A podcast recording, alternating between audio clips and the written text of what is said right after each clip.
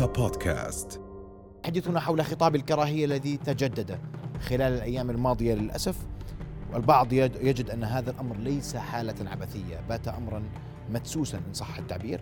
أرحب الليلة بضيفي الدكتور هايل داود وزير الأوقاف الأسبق. مساء الخير عليك مساء النور حياك الله يا البلد وخليني اسمح لي أنا قبل ما أحكي عن الخطاب بعمومه الجدلية اللي أثارت هذه الحالة من خطاب الكراهية. آه، آه، آه، الجريمة التي ارتكبها الاحتلال تجاه آه، الصحفية شيرين أبو عاقلة. يترحم عليها لا نترحم عليها شهيدة غير شهيدة. هذا كان الجدل بينما آه، تركنا الحدث الرئيسي ونظرنا إلى هذا الجدل. أسمع رأيك في هذا الجدل. أنت كرمت بداية ومن ثم أعود للخطاب ذاته. بسم الله الرحمن الرحيم. شكرا على الاستضافة وبداية نسأل الله سبحانه وتعالى الرحمة.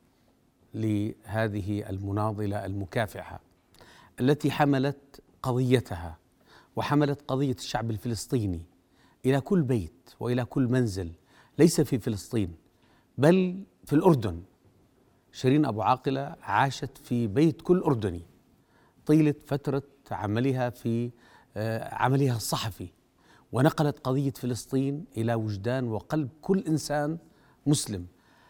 وعربي ومهتم بالقضية الفلسطينية.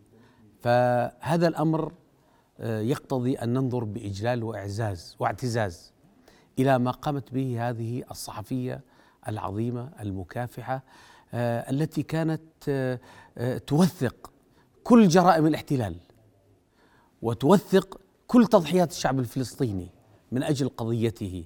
للأسف أن بعض قصار النظر وأن بعض الذين لا يفقهون لا في الدين ولا في السياسة بدل ما تستغل هذه هذه التضحية الكبيرة وهذا الكفاح الكبير وهذه الدماء العزيزة التي سالت بدل ما تستغل من أجل تعرية جرائم هذا المحتل والجرائم التي ترتكب يوميا ضد هذا الشعب ال- ال- المسالم ال- ال- المرابط على أرضه حولوا وحرفوا البوصلة فإذا هي معارك داخلية تثار داخل جدار الأمة الواحدة يترحم عليها أو لا يترحم عليها. هل نقول رحمها الله ولا لا نقول؟ هل نقول شهيدة ولا لا نقول شهيدة؟ يا أخي هؤلاء يعني لا يفقهون في الدين ولا يفقهون في السياسة. أنا بفهم إنه قد يكون هنالك اختلافات فقهية بين الفقهاء من يقول يجوز أو لا يجوز. ولكن أن تثار هذه القضايا اليوم في مثل هذه المناسبة أنا بعتقد الذين أثاروها قدموا خدمة وأيما خدمة للمحتل حتى يغطوا على هذه الجريمة. بعلم ولا بغير علم؟ بجهل ولا عن قصد؟ هم حاولوا وغطوا على هذه الجريمة اللي استنكرها العالم كله ولكن لما دخلنا في هذه الدوامة بعتقد قدموا خدمة كبيرة لهذا المحتل الترحم يجوز على على أبو عاقلة شوف رحمها الله من الذي يملك الرحمة؟ أنا أملك الرحمة أم أنت؟ لا أنا ولا أنت، الرحمة عند الله سبحانه وتعالى، ونحن نطلب الرحمة لكل مظلوم. وندعو الله عز وجل أن يلعن كل ظالم. طلب ال- ال- الرحمة للمظلوم ما بها. أنت لا تملك ولا أنا مفاتيح الجنة والنار. الله عز وجل هو الذي يملك مفاتيح الجنة، يعني رجعونا للقرون الوسطى عندما كان بعض رجال الدين يعطون صكوك الغفران ويعطون قطع في الجنة يبيعونها. لا يا أخي آيات القرآن الكريم ال 114 كلها بدأت بماذا؟ بسم الله الرحمن الرحيم. إلا في سورة واحدة لطبيعتها. ما بدأت بسم الله الرحمن الرحيم. الله عز وجل يقول وسعت رحمتي كل شيء. أنتم تقسمون رحمة الله؟ رحمة الله. الناس لا تقسم رحمة الله. الله عز وجل هو الرحيم. والله عز وجل عندما أرسل رسوله قال وما أرسلناك إلا رحمة لمين؟ مش للمسلمين ولا للعرب. قال وما أرسلناك إلا رحمة للعالمين.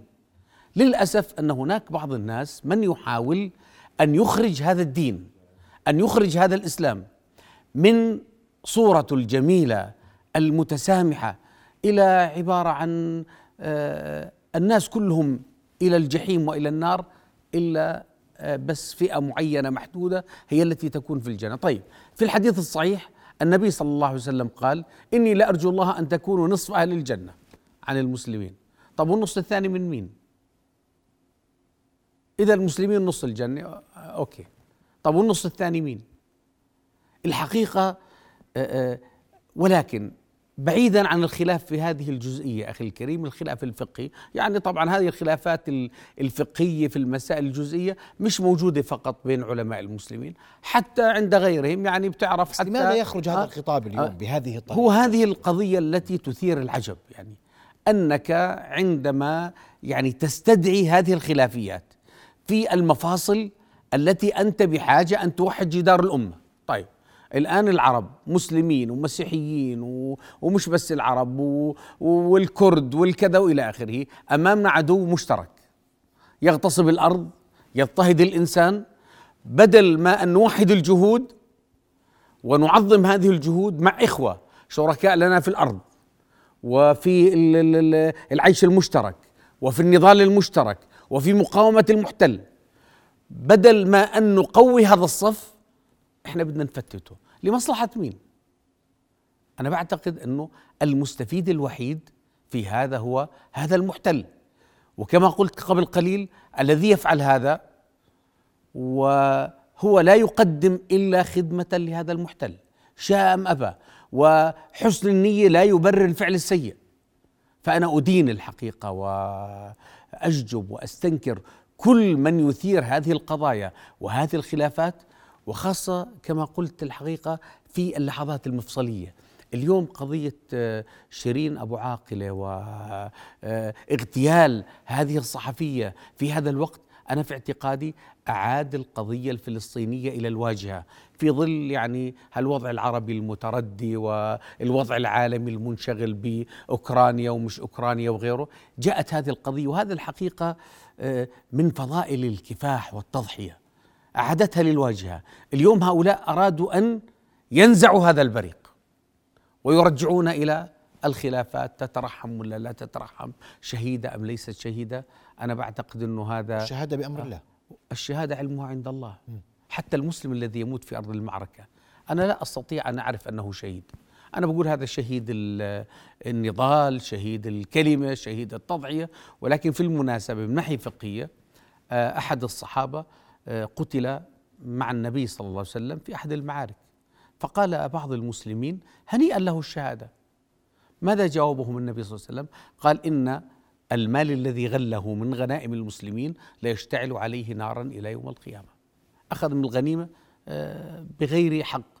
لذلك البخاري في صحيحه عنوان عنوان قال لا يقال لمن قتل في أرض المعركة شهيد. ليه؟ لأنه حقيقة هذا الإنسان. ولماذا استشهد ولماذا قاتل؟ هذه يعلمها الله سبحانه وتعالى. نحن لا نوزع صكوك غفران. ولكن مجازا لا مانع أن نقول شهيد. وربنا عز وجل يعلم بهذا الإنسان. هذه الحقيقة أنا ما أدين به الله سبحانه وتعالى في هذه المسائل. لا مانع أن نترحم ولا مانع من أن نقول شهيد ولكن الله سبحانه وتعالى هو علام الغيوب. يعلم ما في آه، الصدور ويعلم ما في القلوب وهو الذي بيده مفاتيح الجنة والنار. لا أنا ولا فلان ولا علان ولا حسن نية في التعاطي مع هذه الأمور أنا لا أعتقد أنه حسن النية لا يبرر هذه الخطايا. واضح. دكتور هاي أشكرك كل الشكر على وجودك بعد ليلة. بارك الله ونأمل أن تصل رسالتك للجميع. ضعوا الخلافات جانبا ولنصطف صفا واحدا خلف هذه تضحية على أقل تقدير لإعادة القضية. ونتعلم آه، ختاما من جلالة الملك عندما اتصل وهو في خارج البلاد بشقيق هذه الصحفية فعزاه.